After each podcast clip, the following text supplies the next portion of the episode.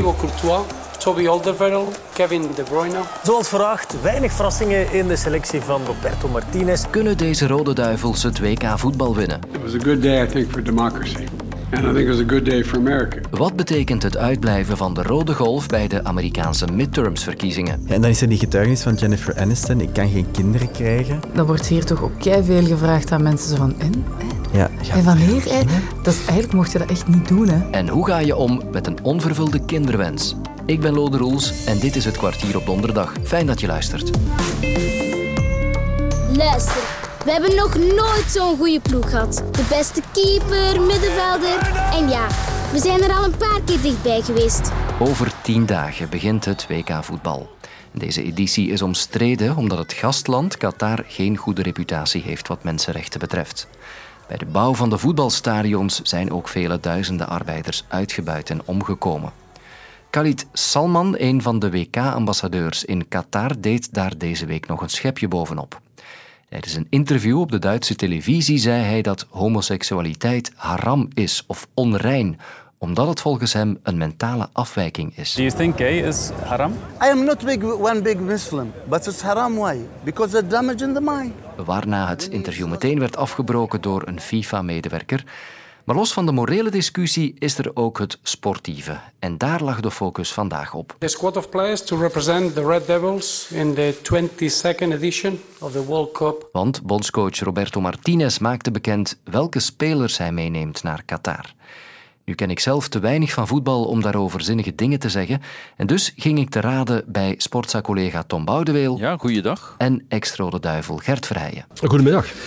Selectie is bekend. Roberto Martinez heeft gesproken. Zitten er verrassingen in voor jou? Eh, niet speciaal, nee. Dat was ook niet eh, de verwachting. Eh, dat zit, niet in de aard van onze bondscoach om echt zwaar te verrassen natuurlijk. Het is vooral vasthouden aan de jongens waar hij op heeft kunnen rekenen de afgelopen jaar. Die het uiteraard goed hebben, hebben gedaan natuurlijk. Behalve natuurlijk voor jongens die door omstandigheden minder gepresteerd hebben. En dan denk ik aan De Naaier, Boyata. Zijn zo, daar zijn wel slachtoffers te noteren zijn natuurlijk bij, in hè? verdediging. Voilà. Eh, goed vervangen door jonge gasten die het op dit moment heel goed doen. Eh, denk aan Faas, denk aan Theater. De Bast eh, bij Anderlecht die zich manifesteerd heeft. Daar zit de grootste wissel van de wacht in. De grootste verrassing vind ik eh, Zeno de Bast. Al is die wel wat klaargemaakt natuurlijk door eh, Martinez door te zeggen ik heb nog nooit een jonge speler zo goed weten te debuteren. Dat was in september voor de twee wedstrijden van de Nations League. Hij heeft wel wat foutjes gemaakt, maar goed, dat eh, vind ik wel een goede keuze van Roberto Martinez. Er was veel te doen over twee namen, onder meer eh, Romelu Lukaku. Die is er wel bij, ondanks een hamstringblessure. Terecht?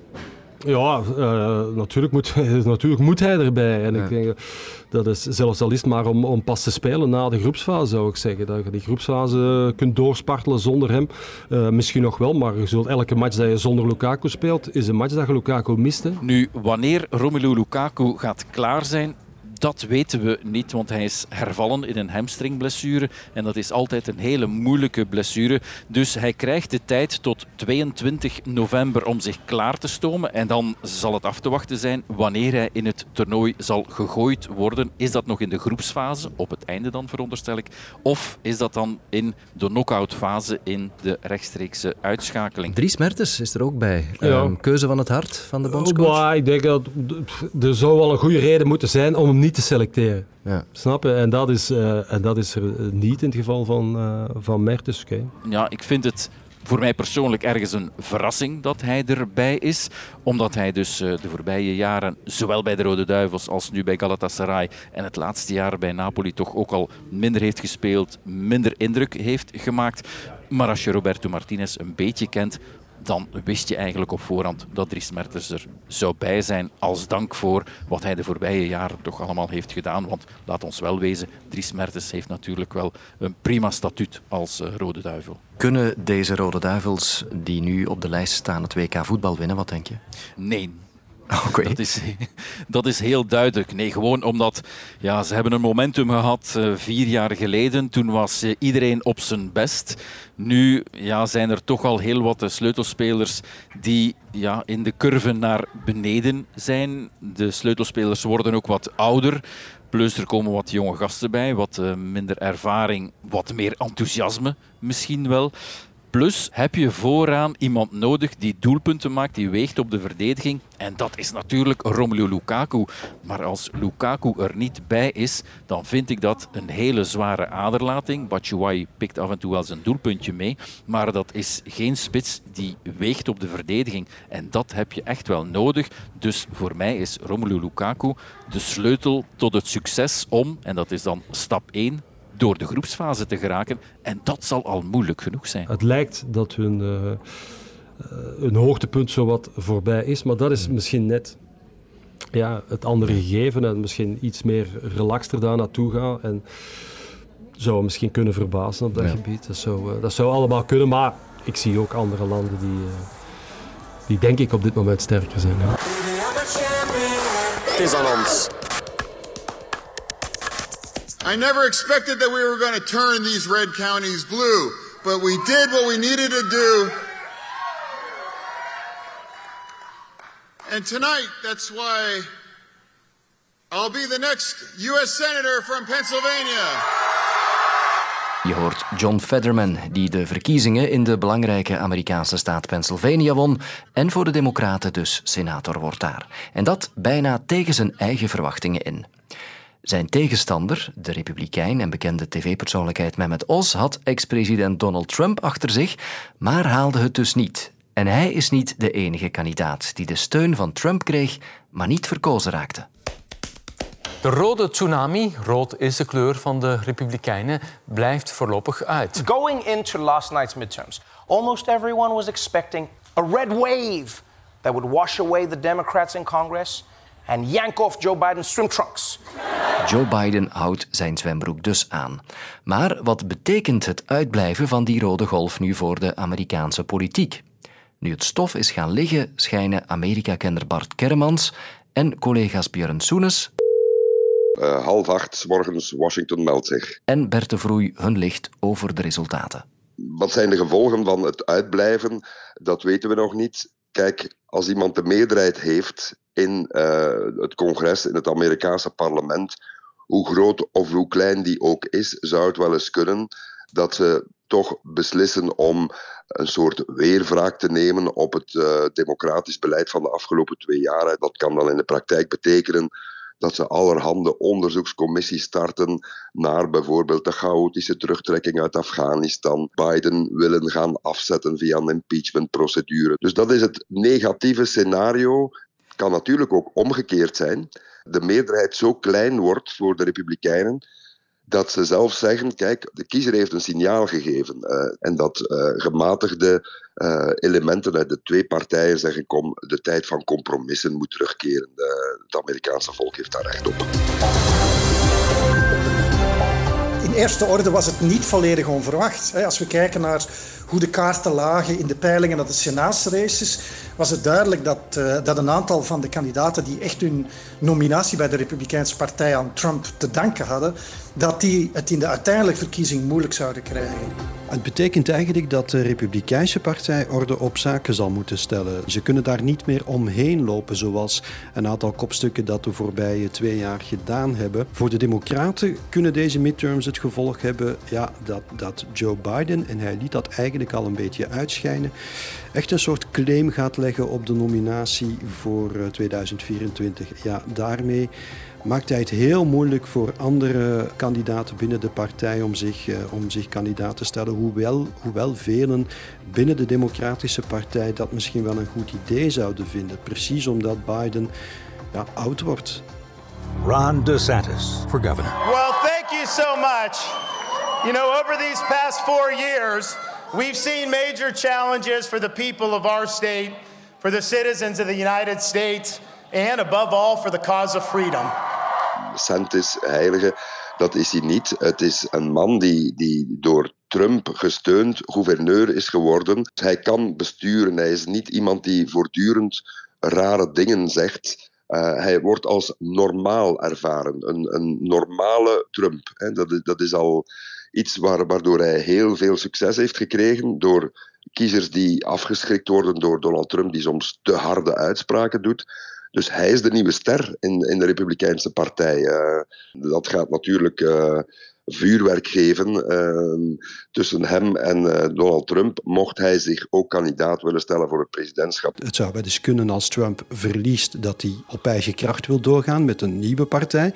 Maar omgekeerd zou het best kunnen als Trump wel die voorverkiezingen wint, dat er dan ja, een soort derde partij zou ontstaan. Een republikeinse uh, volksvertegenwoordiger, nu niet meer, maar Liz Cheney heeft dat uh, ook al aangekondigd. Dus die verscheurdheid bij de republikeinen wordt heel belangrijk. Ik denk dat, je, dat we moeten rekening houden met het feit dat Trump als, als, uh, als persoon een enorme mobilisatiekracht blijft hebben op de Republikeinse Partij. Dus daarom dat ik uit de uitslag van deze verkiezingen, ook al doet het het aantal vragen over de factor Trump binnen zijn eigen partij stijgen, toch durf ik daar niet uit concluderen dat uh, dit betekent dat het Trumpisme in de Republikeinse Partij voorbij zou zijn of fataal verzwakt zou zijn. Aan het slot van deze aflevering wil ik het hebben over de Amerikaanse actrice Jennifer Aniston. Hi, I'm Jennifer Aniston. 53 is ze intussen en ze heeft geen kinderen. En daar is al heel veel over gespeculeerd. Ze werd afgeschilderd als een vrouw die voluit voor haar carrière ging en bewust kinderen weigerde. Maar dat klopt niet, blijkt nu uit een openhartig interview. Aniston wou wel kinderen, zegt ze. Ze heeft zelfs heel wat pogingen gedaan om zwanger te worden via IVF of proefbuisbevruchting, maar dat lukte niet. En ook in Friends, de serie waarin Aniston tien jaar lang de rol van Rachel speelde, kwam het onderwerp aan bod. Het koppel Chandler en Monica legde een moeilijk parcours af om kinderen te krijgen. Oh, I still can't believe this. My uterus is an inhospitable environment. I tried so hard to be a good hostess. I can't believe my sperm have low motility because let me tell you, while I was growing up, they sure seemed to be in a hurry to get places. De twee personages zagen hun kinderwens uiteindelijk wel in vervulling gaan via adoptie. Maar Jennifer Aniston dus niet. En dat is niet makkelijk. Daar kan ook Tanja over meespreken. Ik ben Tanja, 54 jaar en ongewenst kinderloos. Ik wou al heel mijn leven mama worden, maar ik heb altijd zo wat voorrang gegeven aan carrière. Waardoor ik was in mijn late 30, ja, ik dacht dat ik 38 was, als ik dan zei van oei, de biologische klok tikt nu zo hard. Als ik er nu geen werk van maak, dan komt het niet. En dan ja, begin je eerst op de natuurlijke manier natuurlijk. En dan lukt dat niet. En dan word je doorgestuurd naar het fertiliteitscentrum. Je krijgt normaal zes fertiliteitsbeurten ook terugbetaald van de mutualiteit. Ik heb er op eigen kosten nog vier bij gedaan. Dus ik heb er tien volledige fertiliteitsbeurten gehad. Totdat de specialist tegen mij zei van kijk, dit is nu niet verder nog gepermitteerd voor jouw lichaam. Want mentaal en fysiek ga jij daar nu ook onder lijden, onder die zware hormonale behandeling. Ik denk dat het tijd is om te stoppen. En dan rij je naar huis van Brussel, naar Knokke, waar ik woon. Dat is een dikke uur. En dan is dat precies irreëel eerst. Van oei, wat nu?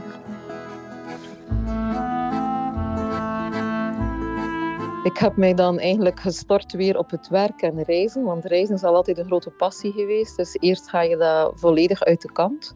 Maar bon, gelijk waar je bent, of dat je nu op een strand in Spanje zit of op een of ander eiland, overal zijn kinderen, op het vliegtuig zijn kinderen. Hoe hard je ook je best doet om het te ontlopen, het lukt niet. En dan heb ik gezegd, oké, nu heb ik psychologische hulp nodig. Dat is dan vrij goed gelukt. Mijn vriendinnen werden geen mama meer, dus dat was oké door de leeftijd. Maar nu ben ik 54 en nu zijn mijn vriendinnen oma aan het worden. En nu komt de tweede slag voor mij. Oké, het is nooit geen mama, maar het is ook nooit geen oma. Ik ben leerkracht, dus uh, je gaat nog meer de leerlingen ja, een stukje gaan beschouwen als jouw kinderen. Ik ben er voor hen, maar zij zijn er ook voor mij op dat moment. Dus uh, dat je toch nog het gevoel hebt dat je een bijdrage kunt leveren aan een kind. Ja, een mooie getuigenis, maar wat doet dat met een mens, zo'n onvervulde kinderwens? Hoe ga je daarmee om?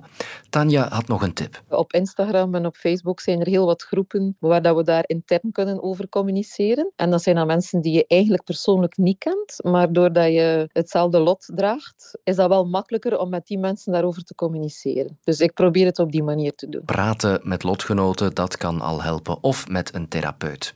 Ook Lisbeth is ongewild kinderloos en gaat momenteel door dat rouwproces. Ik denk dat het heel belangrijk is, net als Jennifer Aniston deze morgen heeft gedaan, om het taboe daar ook een beetje over te doorbreken. Want het is vooral de blikken van, van anderen die het soms ook heel moeilijk maken. Er zijn gewoon dingen waarvan ik voel ik, dat ik niet kan meepraten en dat ik, geen, dat, ik niet weet wat het is. En af en toe is er ook wel eens een ongevoelige ziel die dat dan een keer goed benoemt. Van ja, maar jij weet niet wat dat is, want jij hebt geen kinderen. Bij deze dus ook een warme oproep van Lisbeth om wat gevoeligheid aan de dag te leggen als er mensen in je omgeving zijn met een onvervulde kinderwens.